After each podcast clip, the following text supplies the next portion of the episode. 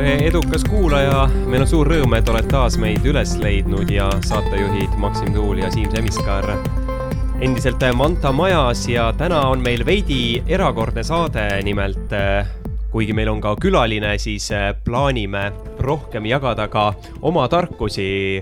Siim, on nii?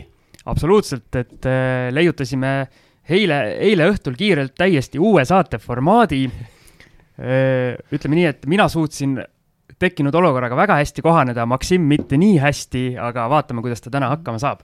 eks me jah, natukene rääkisime mööda, et äh, millest ja kuidas rääkima hakkame, aga igal juhul äh, alguse osas olime me ühisel meelel ja räägime ikkagi meie külalisest ja meile on siia stuudiosse tulnud äh, kakskümmend neli seitse Office'i tegevjuht Katre Tamp, tere! tere! Katre, räägi alustuseks natukene endast, et mis see kakskümmend neli seitse Office on ja, ja mida sa siin ikkagi siis täpsemalt teed? kakskümmend neli seitse Office on äh, ühiskontor, coworking kontor, kontorihotell, büroohotell, et heal lapsel mitu nime, et neid äh, termineid on eesti keeles nii palju, et ei ole veel kujunenud välja sellist ühte, mis kõik koostöötamiskeskused kuidagi mugavalt ühe nime alla koondaks aga sisuliselt me pakume ettevõtjatele varianti, et nad saavad äh, võtta kõik kontoriteenused mugavalt ühest kohast.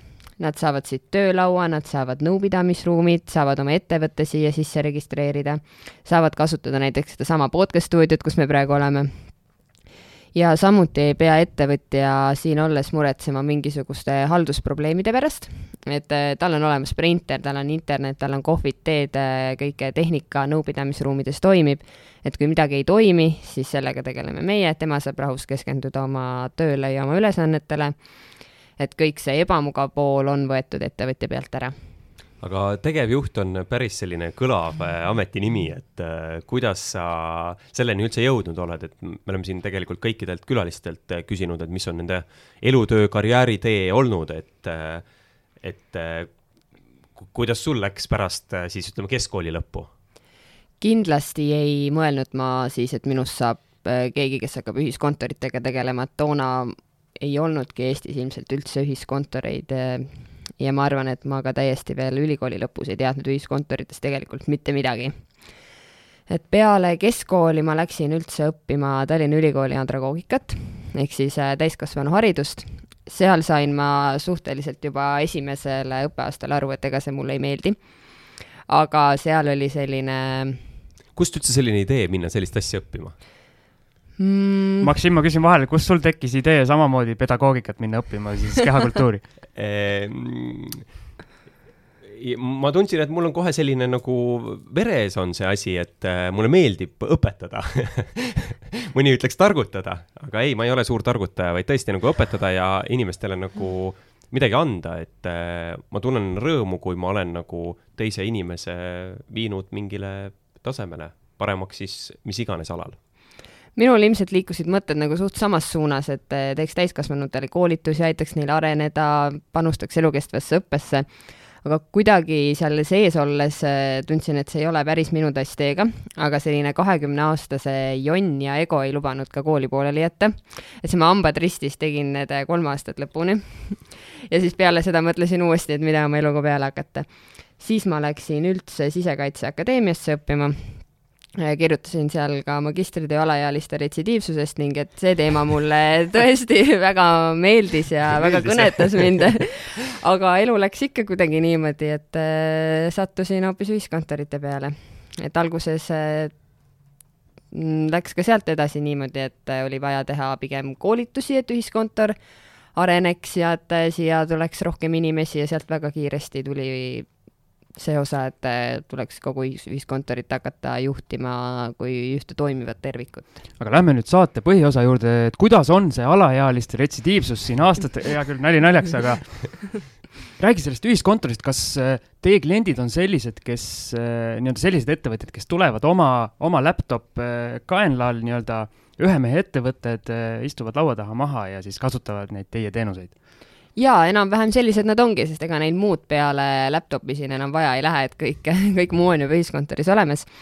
meil on ühe mehe ettevõtteid, kõige suurem on meil hetkel kümneliikmeline ettevõte, et sealt suuremaid enam väga ei tule, et siis inimesed eelistavad juba võtta endale täiesti privaatkontori, aga et valdav, valdavalt on sellised ühe, kahe, kolme mehe ettevõtted aga kuidas see hiljutine koroonaaeg just sellele kontorile mõjus, et nii-öelda erinevad, erinevad ettevõtted, erinevad ettevõtjad, kas nad julgesid tulla ikka kontorisse või, või vahepeal oli maja täitsa tühi ka?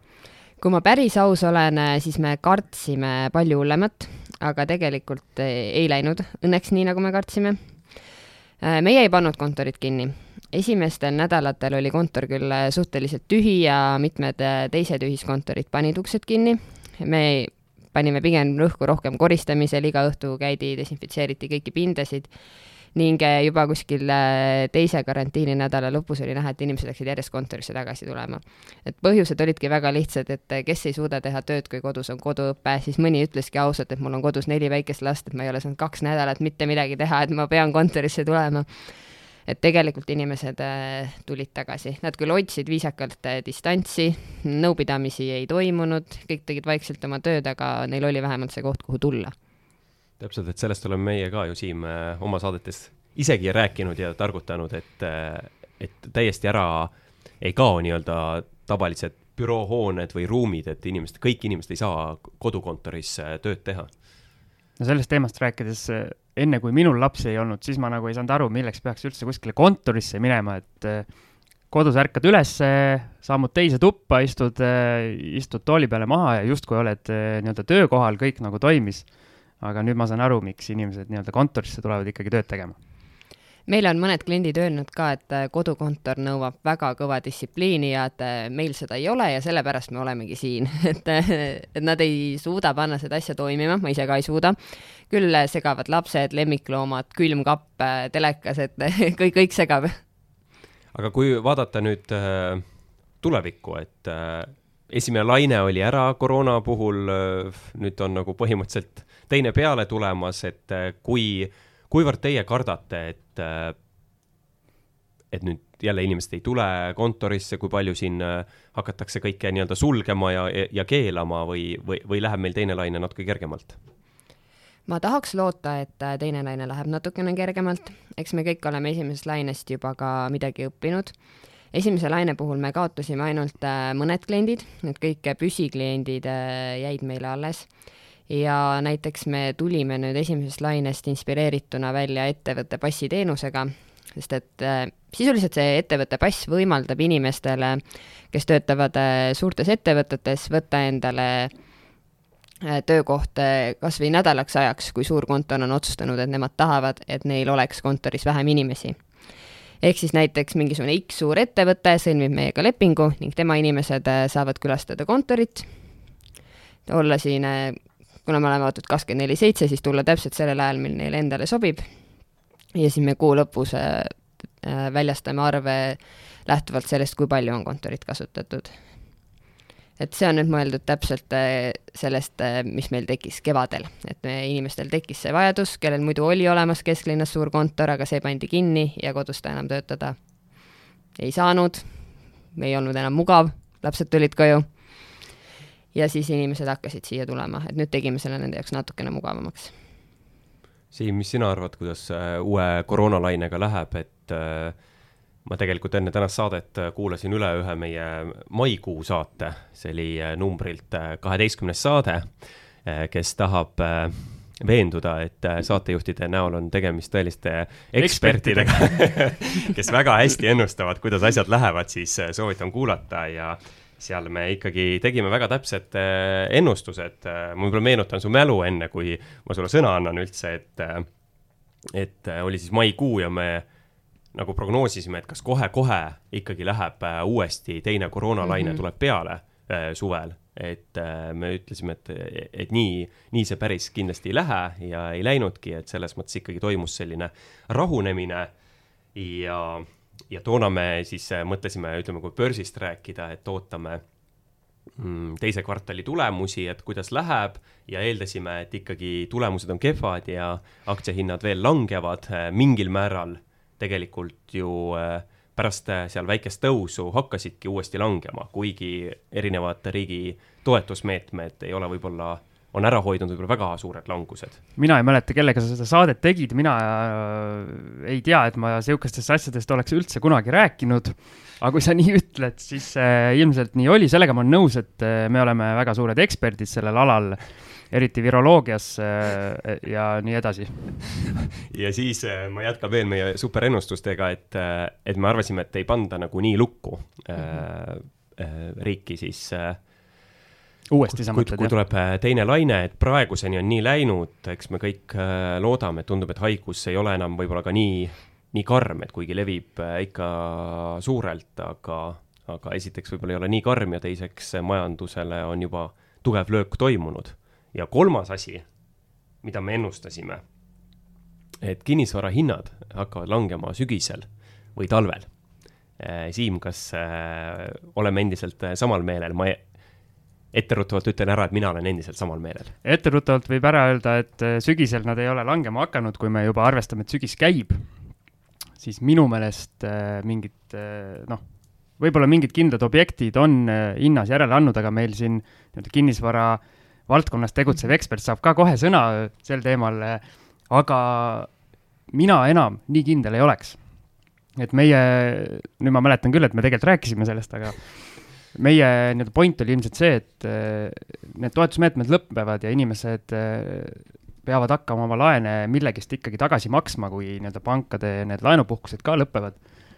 aga kuidagi, ma ei tea, seni ei ole seda pauku veel tulnud või siis see tulebki mitte pauguna, vaid niimoodi ühtlase lainena järjest see hakkab kasvama siin talve poole. aga ma natukene võib-olla nüüd oleks äh, isegi selles mõttes optimistlikum, et midagi väga hullult võib-olla isegi ei juhtugi. mina, enne kui me veel Katrele sõna anname, ütleks mm -hmm. ikkagi vahele seda, et äh, et selles mõttes jah, et sügis on juba käes, et ma arvan, et siin sügise lõpus või talvel ikkagi see äh, langus algab, et mitte siis ei olegi suur pauk toimunud või ei toimu ka siis.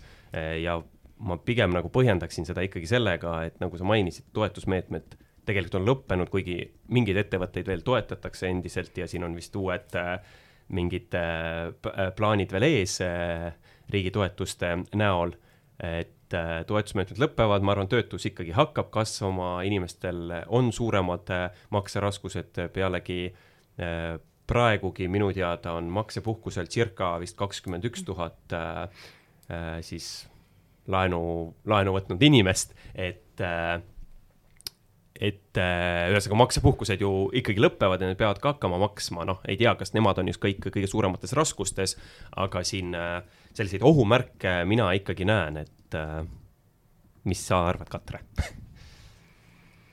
ohumärke kindlasti on, aga ärikinnisvaras see hinnalangus veel äh, nii väga otseselt äh, jõudnud ei ole. kindlasti, mis nagu siis äh, nii-öelda meie emaettevõtet Ammerheedi puudutab, on see, et kõikidel meie äripindadel on eraldi sissepääsud, need ei ole klassikalised kaubanduskeskuste pinnad. Ning äh, need on just need pinnad, mis nüüd peaksid hakkama ettevõtjatele huvi pakkuma. et seal on ikkagi see, et sul on oma tuba, oma luba, et kui ei tule mingisugust käsku peale, siis kaubanduskeskus ei saa panna sinu eest uksi kinni et ta annab natukene rohkem iseseisvust inimestele ja võimalust iseenda järgi asju natukene ümber sättida. ja kui ma ei eksi, siis selles esimeses koroonalaines, kui need kaubanduskeskused kinni pandi, siis erandiks olidki need, need poed isegi seal kaubanduskeskuste küljes, kus oli eraldi sissepääs, oli mul õigus? jah, just, ja oli ka tõesti nii, et äh, mõned ettevõtted võtsid meiega ühendust, kes on kaubanduskeskustes ja tundsid huvi, et äh, kuidas kolida nüüd ümber pinnale, kus neil oleks oma eraldi sissepääs, kus nad ei sõltuks nii-öelda suurest kaubanduskeskusest, vaid oleksidki omaette. aga Siim, sina oled ju ka siin vahepeal suureks kinnisvaramagnaadiks hakanud, et äh, ja hetkelgi ma tean, et otsimas äh, endiselt või vähemalt vaatamas äh,, jälgimas tihedalt turgu, et kuidas siis on hetkel tunne, et äh, sa küll ütlesid, et, et sa ei näe, et suurt kriisi tuleks, aga kas ikkagi mingi langus on äh, toimunud, kui me räägime nüüd siis eluasemetest? Äh, ma ei ütleks, ma isegi ei nimetaks seda languseks, võib-olla mingi korrektsioon on toimunud, et äh, nii-öelda päris nii-öelda teravik, kuhu võib-olla need hinnad tõusid, äh, see on veidi alla tulnud, aga ma olen siin teinud nii-öelda mõningaid pakkumisi mingite objektide eest täiesti nii-öelda mõistlikul hinnatasemel ja seni ei ole ühtegi sellist äh, allpool, allpool seda hinda, mis on nii-öelda portaalis kirja pandud. Allpool seda hinda pakkumist ei ole mul veel vastu võetud, nii et äh, on kaks varianti, kas inimesed ikkagi ootavad ja loodavad veel või seda hinnalangust ei tulegi. kinnisvara on kindlasti ka väga pika vinnaga, et kui tuginedagi spetsialistide ja analüütikute mõtetele, siis äh, see kõik võtab aega, selle kriisi mõju võibki tulla meile võib-olla alles järgmine aasta, võib-olla isegi natukene veel hiljem. Et jah, vaatame, mis saab. aga mul on salainfo, et sa siin äh, ka müüsid ühte objekti mingi hetk, et kas sina said seda hinda, mida sa tahtsid? ja ma müüsin äh, täpselt äh, kevadise koroona ajal oma korterit. Ma sain selle hinna, mis ma tahtsin, ma panin ta müüki väikese puhvriga enda jaoks, just selle mõttega, et kui ostja tuleb, et siis ma lahkelt lasen tal natukene hinda alla ja see toimis ning äh, ma ei tea, milles nagu asi oli, kas, kas asukoht või korter ise, et mul oli tegelikult isegi järjekord ukse taga. et need, kes lõpuks, kellega ma tehingu sõlmisin, Nad küll küsisid hinnast alla, aga ma ütlesin kohe, et mul ei ole motivatsiooni seda teha, sest mul on nagu kaks tükki veel ukse taga, kes on valmis kohe notarisse minema. et minul selles mõttes läks hästi, läks kergelt. et mulle tundubki, et nii-öelda head objektid müüvad ikkagi sellel samal hinnatasemel võib-olla, kus nad varem on olnud, aga need, mida juba varem väga osta ei tahetud, need seisavad edasi ja ning Siim tegi mulle muidugi ka väga ilusad pildid korterist no,, mis kindlasti aitasid kaasa, onju. kuulsid, Max? ma saan aru, et siin on, teil on mingi pikem ajalugu, aga ma ikkagi küsiks, kuna mina ei tea, Katre, sinu kõiki investeeringuid või oli see nüüd eluasemevahetus, et just ähm,. aga milline on, ütleme, sinu investeerimisportfell või, või kas sul on selline, kas sa investeerid kinnisvarasse, aktsiatesse, ühisrahastuses kuskil äh,? ei, ei praegu ei investeeri vot nii. aga Siim, kuidas sul ikkagi investeeringutega läheb, ma tean, et sina investeerid igal pool, kuigi oled vist äh, aktsiatest äh, kõvasti väljunud. Äh, siin esiteks ma teen kohe reklaami meie, meie värskele teisele podcast'i, podcast'ile Kinnisvarajutud kus äh, ma võtsin endale kaaslaseks äh, mitte Maksimi, jumal tänatud, vaid üllataval äh, kombel, et olgu siis öeldud, et Maksim on ka tegelikult endine maakler. Algis Libliku, kes käis ka meil siin Edu Valemi saates mõni osa tagasi, Maks teab numbrit peast, mis saate number see oli? peast peab natukene Aha, ikkagi nii. mõtlema, ma arvan, mingi kakskümmend üheksateist. no näed, sellepärast Maks ma sind ei võtnudki kinnisvarajuttudesse, kuna sul numbritega lood on kehvad. aga mis see küsimus oli? Küsimus oli, et äh, kas vastab tõele, et äh, siin ikkagi ei saa öelda, et päris koroona ajal, aga siin äh, suve ajal sa küll oled aktsiat portfelli vähendanud? põhimõtteliselt küll, jah. et ongi põhjuseks puhtalt soov siis minna kinnisvarasse rohkem või õigemini sul oligi objekt siis, mille ostsid või, või kuidas sa üldse praegusel, ütleme, ajal vaatad siis oma portfelli ümber? No põhimõtteliselt tekkis jah, selline, selline ütleme viisakalt vasikavaimustus natukene, et see kinnisvaravärk äh, kuidagi tuli selle koroona ajal, muutus nagu nii-öelda relevantseks. seal oli see asi ka, et ma pidin selle koroona ajal endale üks korter, mis mul oli, endine elukoht, mis siis üüril oli, seal pidin koroona ajal üürnikku vahetama ja siis kuidagi see protsess äh, nagu käivitas ka mingid äh,, mingid mõtted mu peas ja siis samal ajal, kui see aktsiaportfell äh, kukkus seal ribadeks, siis ma mõtlesin, et äh, aga miks ma pean iga päev neid mingeid punaseid numbreid vaatama, kui, kui kinnisvara hinda saab igal hetkel teada ei saa, isegi kui ta on langenud, midagi sellest ei juhtu. kui äh, üürnik maksab sulle igakuiselt äh, üüri edasi, siis põhimõtteliselt äh, kriisi kui sellist sa ei tunnetagi aga kuidas, Katre, siin äh, nii-öelda büroo pinnal, et äh, need äh, äriüürnikud on, et palju tekib võlgu, probleeme, kui palju te peate selliste asjadega tegelema? Õnneks väga palju ei teki, muidugi on olnud selliseid juhtumeid, kus me peame oma üürirahasid taga ajama, aga õnneks seda on vähe, et meile on juhtunud valdavalt väga mõistlikud kliendid et meil ei ole olnud ka erilisi probleeme sisekorraeeskirjade rikkumiste või millegiga, et meil on seni oma kahe poole tegutsemise aasta jooksul klientidega tõesti väga vedenud. selles mõttes vist üürikinnisvaras on natukene lihtsam ka, et kui sa nagu üürid äh, nii-öelda elukohta kellelegi, siis mm -hmm. oletame, see inimene satub raskustesse, siis teda nagu välja saada on üsna keeruline, aga siin äh, nii-öelda mingit ettevõtet nagu kontori pinnalt välja saada vist eriti keeruline ei ole, et nad lähevad nagu ise, isegi kui on raskused jaa, seda küll, aga tihti me proovime ka pakkuda neile ise mingisugust kompromissi, et äh, siin ka kevadel, et osadel ettevõtetel oligi mõni kuu raskem, et tegimegi, leppisime kokku maksepuhkustes, et ikkagi loodame, et äh, kõik saavad jalad alla tagasi, kõigil hakkab jälle hästi minema, et kindlasti ei ole meie eesmärk kellelegi käru keerata. et prooviks ikkagi koos sellest kõigest välja tulla aga samas meil ju, ma ei tea, kui palju te uudiseid jälgite, siis Pärnus on üks huvitav nii-öelda puuküürniku case praegu, kus äh, üks äh, kunstimuuseum äh, on kuskil äripinnal juba, ma ei tea, mitu aastat ei ole sentigi maksnud ja nüüd kuidagi vist tahetakse neid välja tõsta ja on suur skandaal üleval, kuidas siin kunstnike tegevust piiratakse ja tahetakse neilt raha saada. olete kursis? Ei no, ole väga. on, ma arvan, selles mõttes lõpuks ju igas selles äh, jah, valdkonnas, et, et ettevaatlik tuleb olla, aga noh, tore, et Katrel ei ole olnud neid probleeme siin oma ametis, ma saan aru, väga palju, aga ma ikkagi küsiks veel, et sa ütlesid, et sul sellist nagu. oota, kuulajad, pange tähele, Max töötab meediavaldkonnas ja ta ei ole uudistega kursis. nii, jätka palun investeerimisportfelli ei ole, et äh, otseselt, et, et mik-, mi-, miks, et üks asi võib-olla ei ole ka kapitali, aga kuidas sa vaatad, ütleme erinevate siis äh, investeerimisinstrumentide suunas, et mis sulle, kas, kas sul on ka mingit hirmu investeerimise ees äh, või kas sa oled mõelnud investeerimise peale? Jällegi aktsiad, ühisrahastus, äh, ütleme, kus võib-olla see stardiplatvorm tegelikult võib olla päris väike? ei, ma olen täitsa mõelnud investeerimise peale, lihtsalt hetkel oli takistuseks see, et ma otsustasin, et kõik, mis ma investeeriksin kuskile mujale, investeerin ma nüüd oma uude koju et see projekt on nüüd läbi, nüüd saab võtta järgmised sammud ette. ja kuna ma ise töötangi kinnisvaras, siis esimene variant oleks kindlasti investeerida iseenda objektidesse. et see on niisugune natukene turvaline koht alustamiseks, kõik inimesed on tuttavad, ise oled kogu aeg seal projekti juures, tead selle projekti käekäiku, et minule endale tundub see selline loogiline jätk iseenda jaoks, kust alustada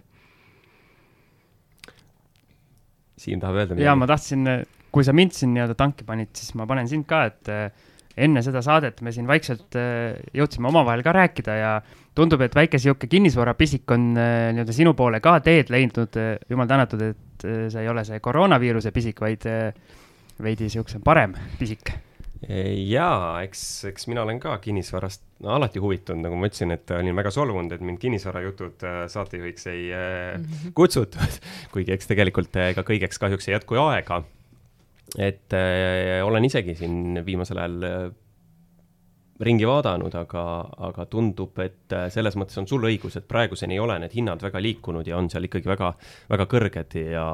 oota, aga sa korra mainisid, et sa oled kunagi maaklerina töötanud.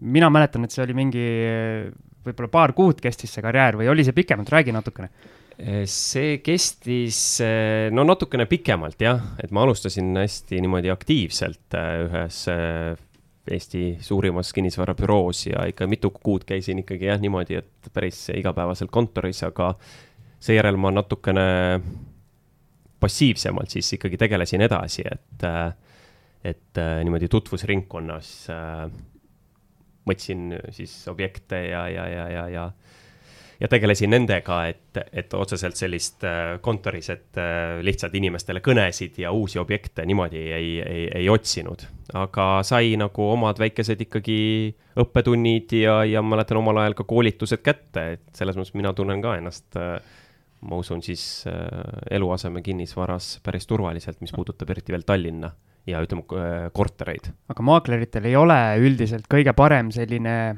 kuulsus või reputatsioon, et räägi, miks see nii on. kas sina põhjustasid selle?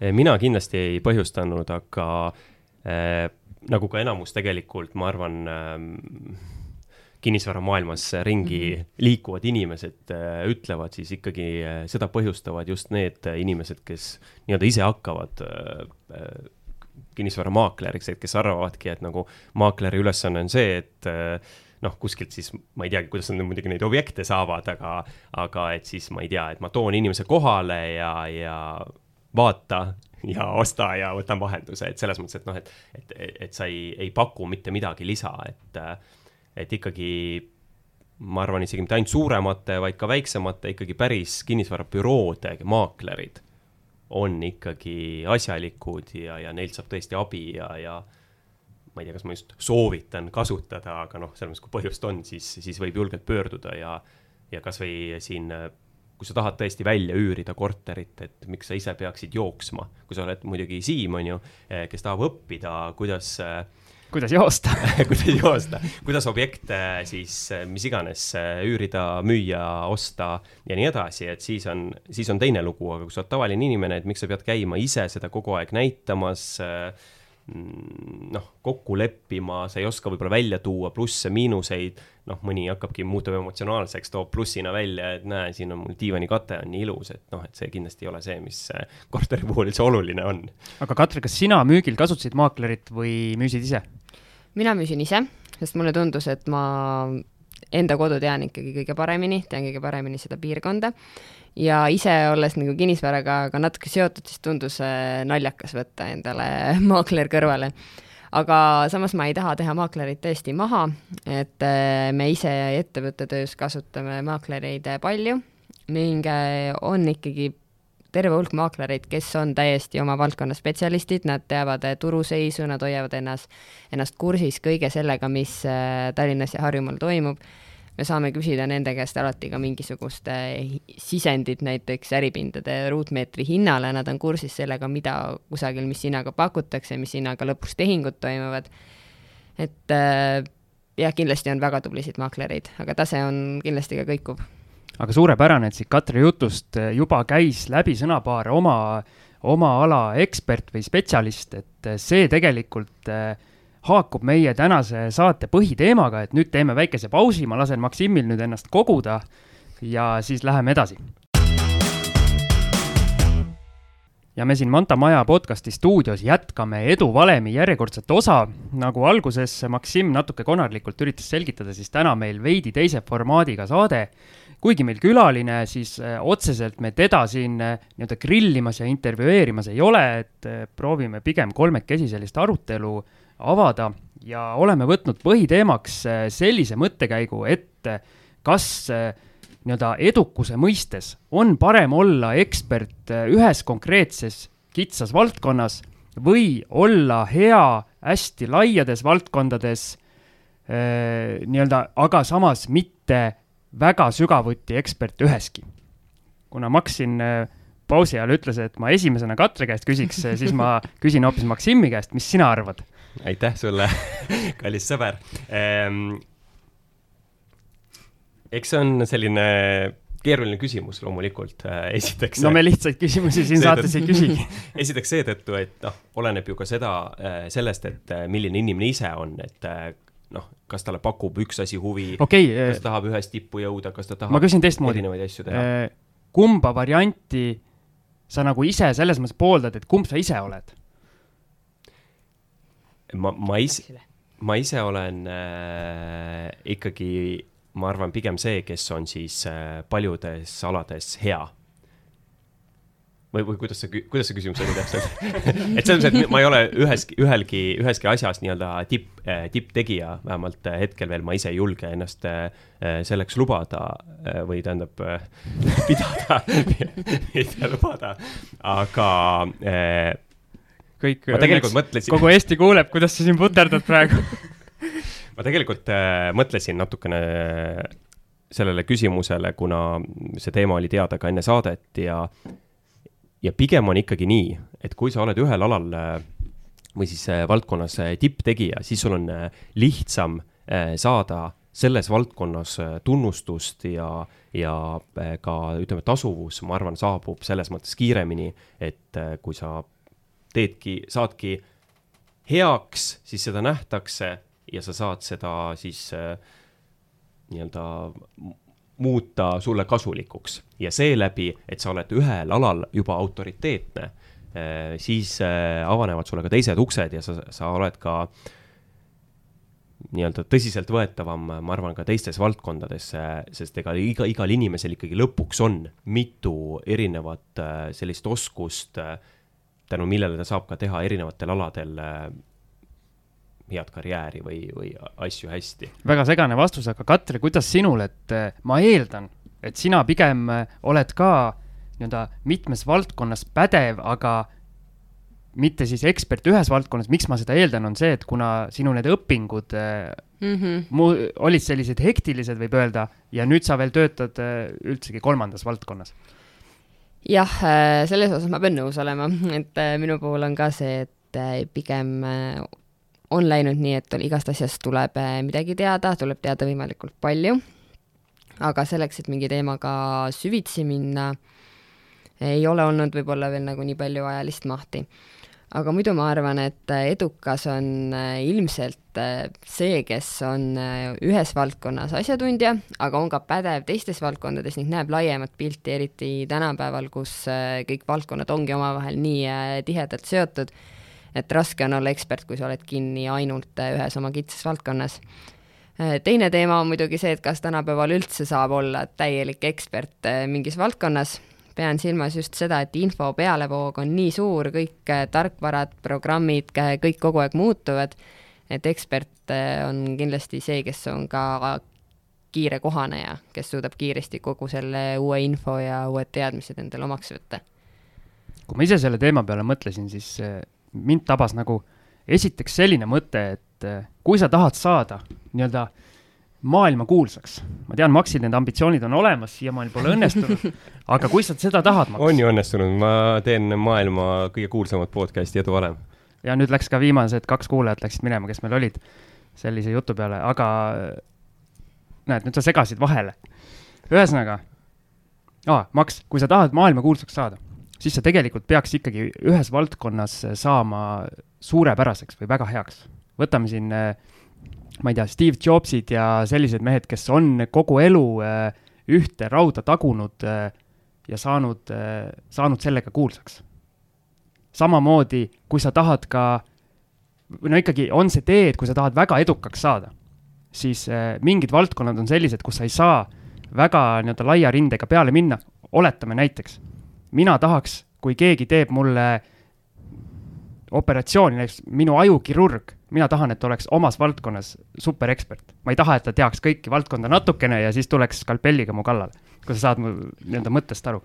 jaa, ei väga õige, tegelikult äh, te mõlemad Katrega nagu tõite välja neid äh, häid äh, mõtteid, et ongi, et ühel erialal võib olla täitsa tipp, siis saab nagu teha ka teisi asju kõrvalt ja eriti, mis mulle äh, mis osas ma nõustun nagu Katrega, on see, et äh, väga kiirelt tegelikult tänasel päeval ju muutub olukord äh,, mis iganes, noh, võtame siis, ma võtan oma valdkonna meedia, et noh, ma ei saa olla nii, et äh, nii, sain meediaeksperdiks ja nüüd ma kümme aastat või kakskümmend aastat midagi selles vallas äh, targutan või õpetan või, või, või teen, et ma pean kogu aeg ennast arendama, kogu aeg äh, asjad muutuvad, et siin ei ole küsimus äh, kümnendites, vaid aastas, mõnikord kuudes, et uued asjad tulevad peale, pead õppima uu, uu, uusi asju, programme, uutmoodi tegema.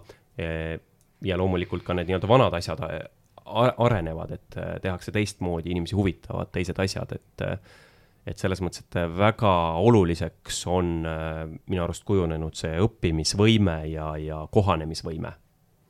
sellega ma olen nõus ja minule endale nii-öelda meeldib selline asi, et äh, iga mingi aja tagant äh, mind nagu paelub mingi täiesti uus valdkond äh, ja kuna see eduelamus, kui sa alustad midagi suht nullist, siis see eduelamus on nii kiire tulema, siis see nagu kannustab tegelikult ühel hetkel, kui sa saad mingi staatuse kuskil, siis sealt edasi samm teha on nagu jube keeruline, jube raske, see nõuab hästi palju tööd. aga kui sa võtad uue valdkonna, hakkad jälle nullist tulema, siis noh, Läheb Sam, päris kergelt. samas, Siim, sul on ka see minu arust miinus, et sa ei ole ühelgi alal ikkagi ekspert. ei ole jah, nõustun. pean nõustuma. et jah, kui me rääkisime siin, et äh, muutused tulevad ja ekspert peab kiiresti kohanema muutustega, siis äh, mina isiklikult, isiklikult arvan, et ekspert äh, on ka see, kes neid muutuseid loob, et see kõlab sellise hästi odava klisseena jälle, aga edukas on see, kes julgeb erineda, julgeb neid muutusi teha, millegi uuega välja tulla et ta mitte ainult ei läheks äh, kaasa sellega, mida teised teevad, vaid et ta teeks seda ka ise. vot selliste, selliste pointide pärast me Katel täna saatesse Mhm. kaasasimegi, et me, me kahekesi siin Maksiga ei oleks elu sees sellise hea asja peale tulnud. no sa võiksid ikkagi enda eest rääkida, aga jah, ma selles mõttes taaskord pean äh, Katrega nõustuma, aga eks, eks selleks, et olla jällegi seal valdkonnas äh, eestvedaja või uuendusmeelne, siis sa peadki seda teadma ikkagi enne ka läbi ja lõhki, et, et siis on hea julge esiteks äh, teha midagi teistest erinevalt ja teiseks siis on ka see nii-öelda algteadmine, et kuidas seda hakata tegema ja mis suunas minema. aga kui meie saate nimi on Edu valem, siis vastake sellele küsimusele, et kas äh, edu on välistatud, kui sa oled nii-öelda, nii-öelda laia rindega, aga mitte kuskil nagu konkreetne ekspert, aga lihtsalt tead mingeid valdkondi äh, nii-öelda hästi laialt. aga, või siis ainuke edu variant on see, kui sa oled kitsalt mingis, mingis asjas ekspert. kui sa mu küsimusest aru said. mina arvan, et kindlasti ei ole välistatud äh, edu, kui, kui sa ei ole ühelgi alal siis äh, tippekspert, et äh, et pigem nagu minu arust ka Katre siin alguses mainis või igal kõikidest meie saadetest on läbi jooksnud, et väga oluline on äh, teekonnal ja edu puhul ikkagi ka see meeskond, kes sul on. ja kui sa taiba, taipad nagu võtta endal kõrvale need inimesed, kes siis seal, kus natuke vajaka jääb või, või kus sul on vaja seda tippekspertiisi, võtad õiged inimesed, siis nemad täidavad selle rolli ära ja kui sa tead minu nagu äh, lemmikvaldkond juhtimine, et, et see, ka ju tegelikult baseerubki sellel, et sa pead vastupidi teadma väga laialt väga äh, paljudest äh, valdkondadest. jah, võib-olla sa saad selles mõttes nii-öelda noh, sa oled ühes äh, noh, justkui ühes valdkonnas võib-olla tegutsed või juhid antud hetkel äh, ettevõtet, aga sa pead teadma kõiki nii finantside küsimusi mm, -hmm. personali küsimust äh,, siis võib-olla siis selle valdkonna ikkagi noh, mitte tippekspert, aga väga hea teadmine peab sul olema.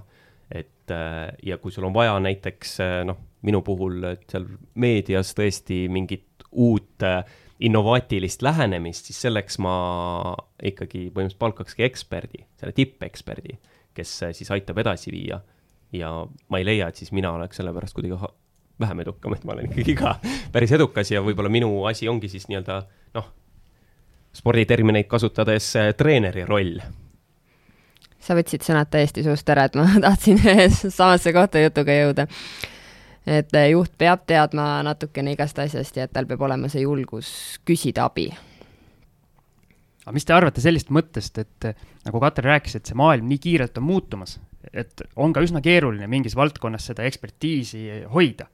et Ameerikas on hea väljend fake it till you make it, et äh, mis te sellest arvate, et mingid inimesed on lihtsalt nii pealehakkajad, et nad võtavad võib-olla enda jaoks isegi tundmatu valdkonna, aga nad nii-öelda petavad teised ära ja nii-öelda tekibki selline tunne, et ta on nagu valdkonnas liider, aga ta sel ajal, kui ta juba nii-öelda temast arvatakse niimoodi, sel ajal alles teeb endale seda valdkonda selgeks no hea on, kui ta teeb sellel ajal endale valdkonda selgeks, et halb on see, kui ta nagu fake ib ja, ja siis nagu jääbki fake ima, et mm., et siis nagu mingi hetk see tuleb välja lihtsalt mm. -hmm nõustuvad, kõik nõustuvad? nii, ja siis teine mõte on selline, et äh, oletame, et sa oled äh, põhimõtteliselt tippekspert valdkonnas, näiteks mingis, mingi mehaanilise agregaadi mingi, ma ei tea, paigaldaja või äh, orgunnija, aga ühel hetkel tehnika areneb olukorda, kus seda agregaati enam vaja ei ole. mis siis saab? elukestev õpe, tuleb kuidagi muud moodi läheneda. siis tuleb nullist alustada ehk siis su ekspertiis kaotab, momentaalselt kaotab äh, nii-öelda tähtsuse. see on päris äh, jah, selles mõttes äh, mõnes mõttes ja halb, neid on, halb hetk. Neid on ju nagu tegelikult inimkonna ajaloos juhtunud korduvalt ja ma arvan, nagu me siin oleme rääkinud, et see nii-öelda tehnika ja kõige areng on nii palju kiirenenud, et järjest kiiremini neid olukordi tekib jah, aga peadki olema jah, võimeline nagu õppima uut asja ja nüüd mitte nagu nutma kuidagi taga, et äh, oh, seda, mida ma nüüd siin aastaid tegin, seda ei ole enam vaja, vaid pigem vastupidi, uus väljakutse, õpid uue asja, et kui sa oled võimeline ühe asja nii hästi selgeks õppima, noh, siis sa oled ka kindlasti teise. jah, sest ega need teadmised ja oskused ju ei kao ära selle X asja turult kadumisega, et võtad needsamad teadmised ja kogemused ja oskused kaasa ja aga siin ongi minu küsimus, et äh, kui inimene on juba selline, sellise tee valinud, et ta läheb nagu hästi kitsat koridori pidi ja läheb hästi kaugele, kas tal on see võimekus äh, ja see ümberkohanemise võime, et ühel hetkel, kui tal seal tuleb see stoppmärk ette ja mitte kuskile minna ei ole ja isegi sellega, kus ta jõudnud on, ei ole midagi teha. no tegelikult muidugi ei ole kõik äh, nii lihtne, et siin, äh, kuna me ei too praegu välja või Mhm. vähemalt sa ei toonud mingit konkreetset näidet. ma toon sulle konkreetse näite. kunagi kõik inimesed liikusid nii-öelda hobukaarikutega näiteks. oli maailma parimad kutsarid näiteks. ühel hetkel see autostumine oli üsna kiire ja nende, nende meeste töö kadus täiesti ära. kas ta siis õppis äh, ümber äh, autot juhtima? või mõni mees mõtleski, et ma ikka sõidan ainult hobusega, ma olen nii kõva mees ja siis no ma eeldan, et lõpuks pidi ikka õppima autoga sõitma, aga eh, ma tahangi öelda, et tal, tal oli ikkagi eeldus, ütleme siis antud näite puhul, kohe minna teisele erialale ümber, kuigi ta siis oli võib-olla jah, kitsalt ainult siis hobukaarikut nii-öelda juhtinud, et ta oli juhtinud, ehk siis ta teadis võib-olla teid, ta oskas siis samamoodi, kes iganes tal seal sõitis, klientidega suhelda, ütleme siis nii, ja, ja tal on nagu mingid eeldused ikkagi minna siis uue eriala peale, et, et, et tegelikult ka kui siin mingid muud valdkonda tuua, et noh, kui sa seal lood midagi või et ikkagi sa käid mingid protsessid läbi, et sa õpid nagu noh, midagi kokku panema, et lisaks sellele, mida sa, mis su see tulem on, reaalne mingi väike asi äh, et selle tegemise käigus sa õpid veel äh, palju asju, mida saab siis nagu ümber kanda uue tegevuse juurde. natukene selline ümmargune jutt, aga mul ei tule kohe sellist veel teist head näidet siia juurde, aga Katre vist tahtis täiendada mm. -hmm ja ma jälle selles mõttes pean nõustuma, et jah, et töövahend antud näite puhul muutus, aga valdkond jäi ju samaks. Aga pange nüüd ennast selle mehe aga pane ennast selle mehe nii-öelda nahka, ta on eluaeg sõitnud hobusega, piitsa andnud. Ja siis tuleb mingi tossav mingi aparaat, kus tuleb äh, rooli istuda, see on nagu nii suur muutus, meie ei kujuta seda ette. jaa, aga ta on harjunud, et noh, tuleb äh, ma ei tea, hooldada, pesta ja kapjasid vahetada ja nüüd tuleb äh, samamoodi, ma ei tea, seal. kunagi ja... nii-öelda ajaloos tööstusrevolutsioon, kus äh, inimesed tegid kogu töö ära, ühel hetkel pandi masinad nende asemel ja inimesed hakkasid mässama nende vastu. oled õppinud ajaloos? jaa, ei, ma ütlengi, et inimestel on kindlasti väga raske äh, kohaneda, ma selles mõttes olen nõus, aga see ongi see, et kas inimene on äh, valmis äh, nagu siis vaatama positiivselt asjadele ja õppima uusi asju. et kindlasti see on inimesele endale on raske, et inimestele ei meeldi muutused. sellepärast ma ütlesingi enne, et lisaks õppimisele ka kohanemine, et reaalsed asjad on muutunud. et me ei saa nagu lõputult mingite asjadega ähm, võidelda, et ongi, et inimesed sõidavadki autodega, et noh, selline on elu või inimesed käivadki internetis ja ma ei tea, loevad ka lugeritest äh, raamatuid, mitte võib-olla paberraamatuid enam ei loeta ka sealt, nüüd kuulatakse raamatuid. just, just, väga tabavalt öeldud. ja kui tulla nüüd nagu selle teema juurde tagasi, et kes on edukas, kes on ekspert, siis võib-olla see ongi üks eksperdi tunnus, et ta juba näeb seda muutust natukene ette. et tal ei tule see nii suure üllatusena, et ta juba näeb, et see hobune kaob varsti ära, et ma juba pean hakkama midagi selle jaoks tegema. jälle hea point.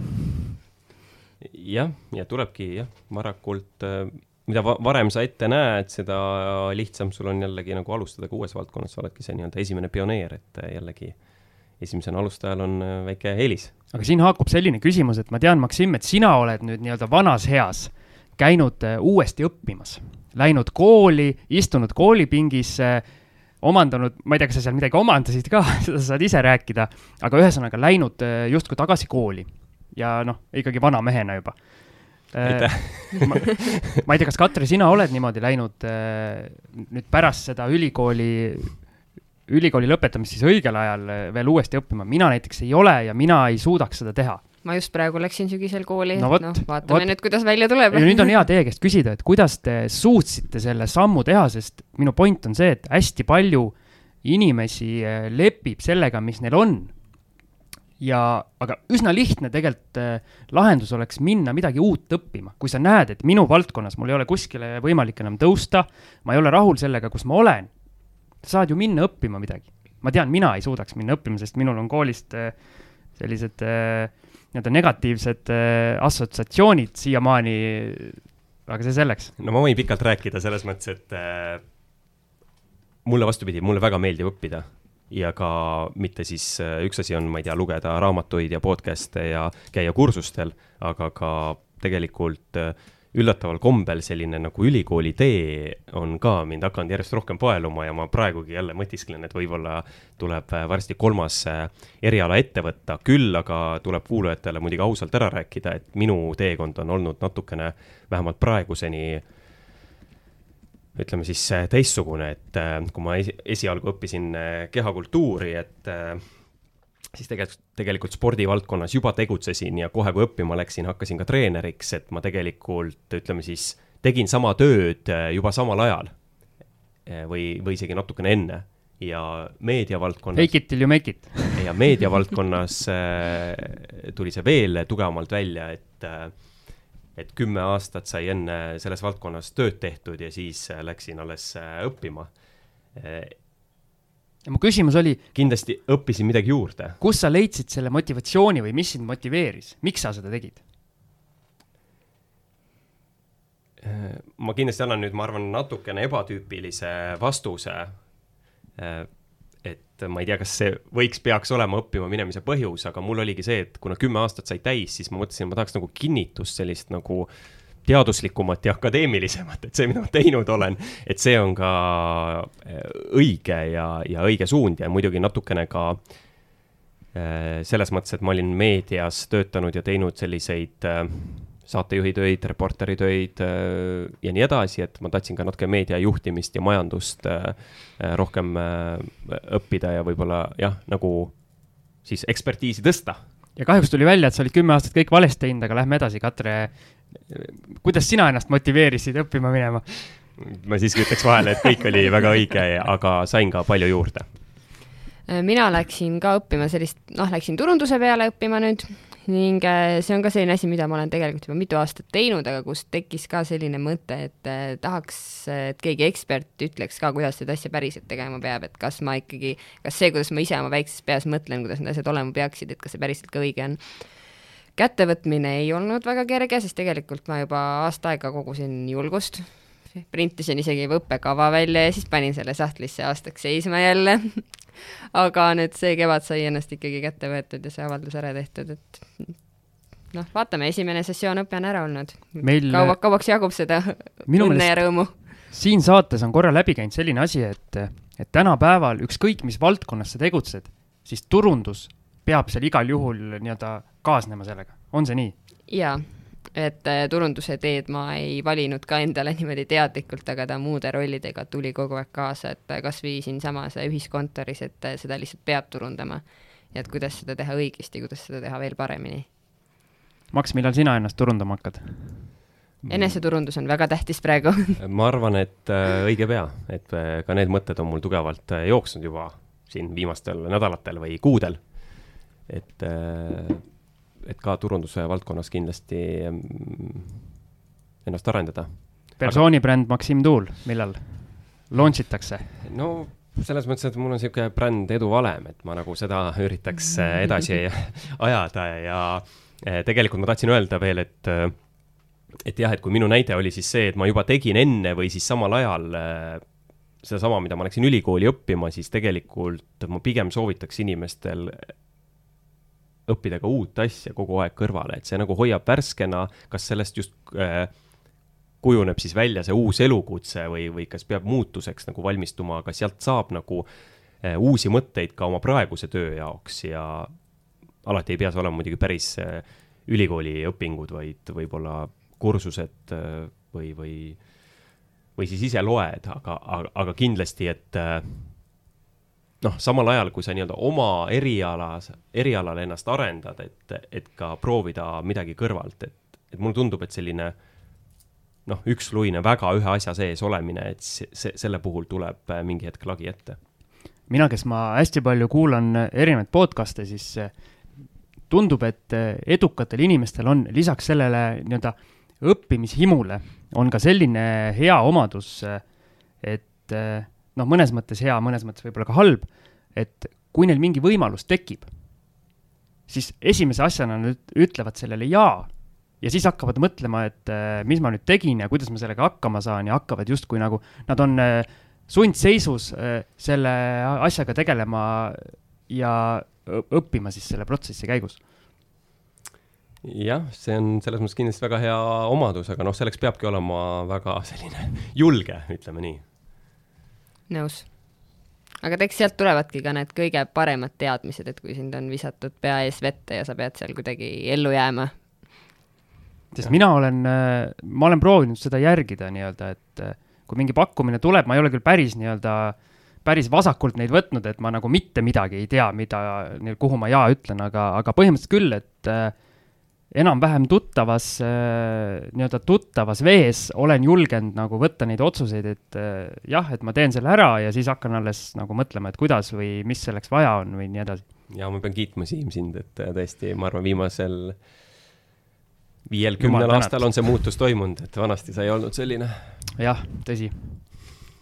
aga õnneks see muutus ei tulnud tänu sulle, nii et ma väga tänuvõlgu olema ei pea aga ma arvan, et äh, teeme veel ühe lühikese pausi ja siis äh, võtame meie tänase saate kokku. ja ongi kätte jõudnud saate viimane osa. tuletame kõikidele kuulajatele meelde, et minge ikka Facebooki ja pange like ehk siis äh, meeldib meie Facebooki lehele Edu Valem, see on loodud ja ootame kõiki liituma. mina ootan, et Maksim läheks ka turundust õppima ja meie Facebooki leht tänu sellele ja kogu meie turundus äh, saaks hoopis teisele tasemele. jah, aga praegu, niikaua kui ma ei ole seda õppinud, siis äh, palun tulge toetage mind niisama ja kasvatage meie äh, selles mõttes jälgijate arvu, et äh, kuulajaid on meil õnneks äh, mõnusalt palju, et nüüd võiks see väljenduda ka Facebooki jälgijate numbrites, aga meil on ikka siin saate lõpus selline kokkuvõtte tegemise aeg ja Katre küsiks ka sinu käest, et mis siis eduvalem on või mis on eduvalemi põhilised komponendid sinu arvates? mina olen enam kui kindel, et edu tuleb siis, kui on, kui tuleb teha tööd, veel tööd natuke õnne ja veel tööd et niisama ei tule mitte midagi. et kõige jaoks tuleb näha vaeva. ja sina siis äh, läbi oma ettevõtte, kus sa töötad, siis pakud inimestele seda võimalust tulla ja teha tööd? jah, just, tulge tehke tööd et kõik muu teeme teie eest ära, teie tulge tehke tööd aga kuidas äh, nii-öelda kontoris ettevõtjad on, kas äh, väikeettevõtjad on töökad Eestis? kindlasti on et minul on äh, Eesti ettevõtjatesse palju usku. muidugi mõnikord tekib siin kontoris tunne, et kas nad üldse tööd teevad, kui nad äh, päev otsa kuskil kohvinurgas räägivad ja sealt liiguvad edasi järgmisesse kohvinurka, aga et kuidagi nad ikkagi saavad oma asjad tehtud ja teevad hästi, et me hoiame kõikide klientide, kas või sotsiaalmeedia kasutajatele silma peal, et näeme, kui neil on uued tooted, äh, mingisugune uus äge väljund. et kuidagi nad ikkagi selle kohvipauside vahelt leiavad aega need asjad ära teha aga mul tekkis siin veel selline küsimus, et samuti meie saadetest väga palju on äh, läbi jooksnud sõna õnn. et mm, -hmm. et kuidas äh, sina leiad ikkagi selle õnne puhul, et äh, kas, kas see õnnefaktor, ütleme siis edukuse puhul, mida, mis on vajalik, et kas seda tuleb ikkagi lihtsalt oodata või on võimalus selleks midagi ära teha, et, et see õnn tuleks ja naerataks sulle? Ma usun, et need on ka omavahel väga tihedasti seotud, et äh, tänapäeval kindlasti üheks edu komponendiks on ka head kontaktid. selleks, et õigete inimeste otsa piltlikult öeldes koperdada, on vaja õnne, aga kui sa istud äh, ainult äh, kodus või kontoris kusagil väljas ei käi, siis pole nagu mingit võimalust nende õigete inimeste otsa koperdada. et tuleb pingutada ja küll siis see õnn ka kuskilt õige nurga tagant tuleb Max, kui sa nüüd minu käest sama küsimuse küsid, siis mina paneks selle hoopis sellisele teljele, et äh, minu arvates see mitte ei ole õnn, vaid just see, et äh, edukad inimesed äh, haaravad nendest võimalustest, mis neile teele ette tulevad, haaravad kinni. ja hiljem justkui tundub, et need kõik olid juhused, aga tegelikult oli see, et äh, nähti neid võimalusi ja võeti nendest kinni. ma usun, et kõikidel inimestel, ükskõik mida nad teevad, elus tulevad erinevad võimalused äh, nende teele ette, mõnel rohkem, mõnel vähem, aga küsimus on selles, et kes neist kinni haarab, kes neist midagi enda jaoks nagu teeb. ja tagantjärele on jube hea öelda, et see oli juhus, aga sa pead sellest nii-öelda juhusest ka kinni haarama ise. aga mida te soovitaksite inimesele, kes ütleb, et aga tema ei taha nagu kinni haarata kõigest, et, et, et kui tema midagi teeb, siis ta teeb hästi ja kui ta ei, ei oska teha, siis ta ei hakka tegema. aga siis ta teebki oma seda asja, mida ta teeb ja, aga minu point on see, et kui sa oled millegiga rahulolematu juba sellises, sellises staadiumis, et sa ütled seda kas endale või oma lähedastele või kellelegi nii-öelda kõva häälega välja, siis sa pead ka võtma vastutuse midagi hakata ise muutma kui sa ei ole rahulolematu, siis, siis ei ole ka põhjust nii-öelda virisemiseks, siis sa lihtsalt teed oma asja. jah, et rahulolematuse puhul ei ole jah kindlasti mõtet jääda kuskile ootama ja istuda ja oodata, et millal see õnn nüüd tuleb, et seal tuleb kindlasti ise tegutseda. aga viimane küsimus veel Katrele, et ähm, kuidas on sinul lood äh, siis eesmärkide seadmisega või kuidas sa näed oma tulevikku, et äh, ütleme siis, kui turundusvaldkonnas nüüd siis täiendad ennast, et kas see võib olla sinu pikemaajalisem tulevik? Hea küsimus.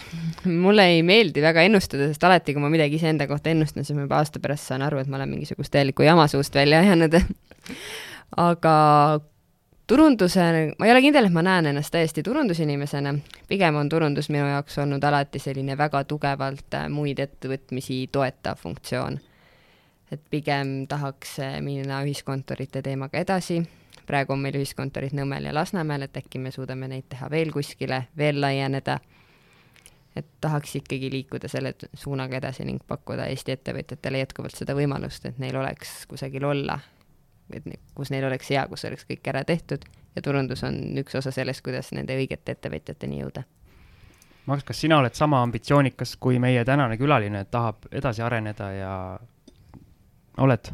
vähemalt sama. Aga mis sinu nii-öelda plaan, ütleme, esimene jaanuar kaks tuhat kakskümmend üks, kus sa tahad olla ma seda veel ei hakka siin avalikult välja ütlema, et äh, eks äh,, eks vaatame, igalühel äh, omad plaanid. igal juhul ma, mina tahaksin äh, tänada Katret, et ta tuli meile siia oma mõtteid jagama. aitäh kutsumast! ja kuulajatele ma võin lubada, et äh, järgmisel, järgmises saates ma annan kindlasti Siimule vähem sõna. Me kutsume taas kord veel ühe külalise, keda me siis grillime, nagu Siim saate alguses ütles, rohkem ja kindlasti leidke siis ikkagi meid üles igalt poolt äh, podcast'i äppidest, rahajutud.ee portaalist ja minge ikka Facebooki ja kirjutage meile kõik, mis meeldib ja mis ei meeldi, võite ka kirjutada, meie kriitikat talume ja kindlasti üritame siis ennast paremaks muuta.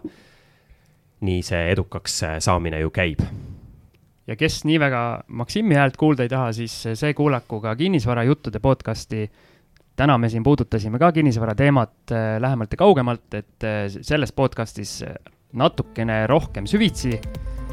väike reklaam siia lõppu, aga Maksimile rohkem sõna ei anna, mina tänan ka, aitäh, Katre, et tulid. Ja kohtumiseni. head aega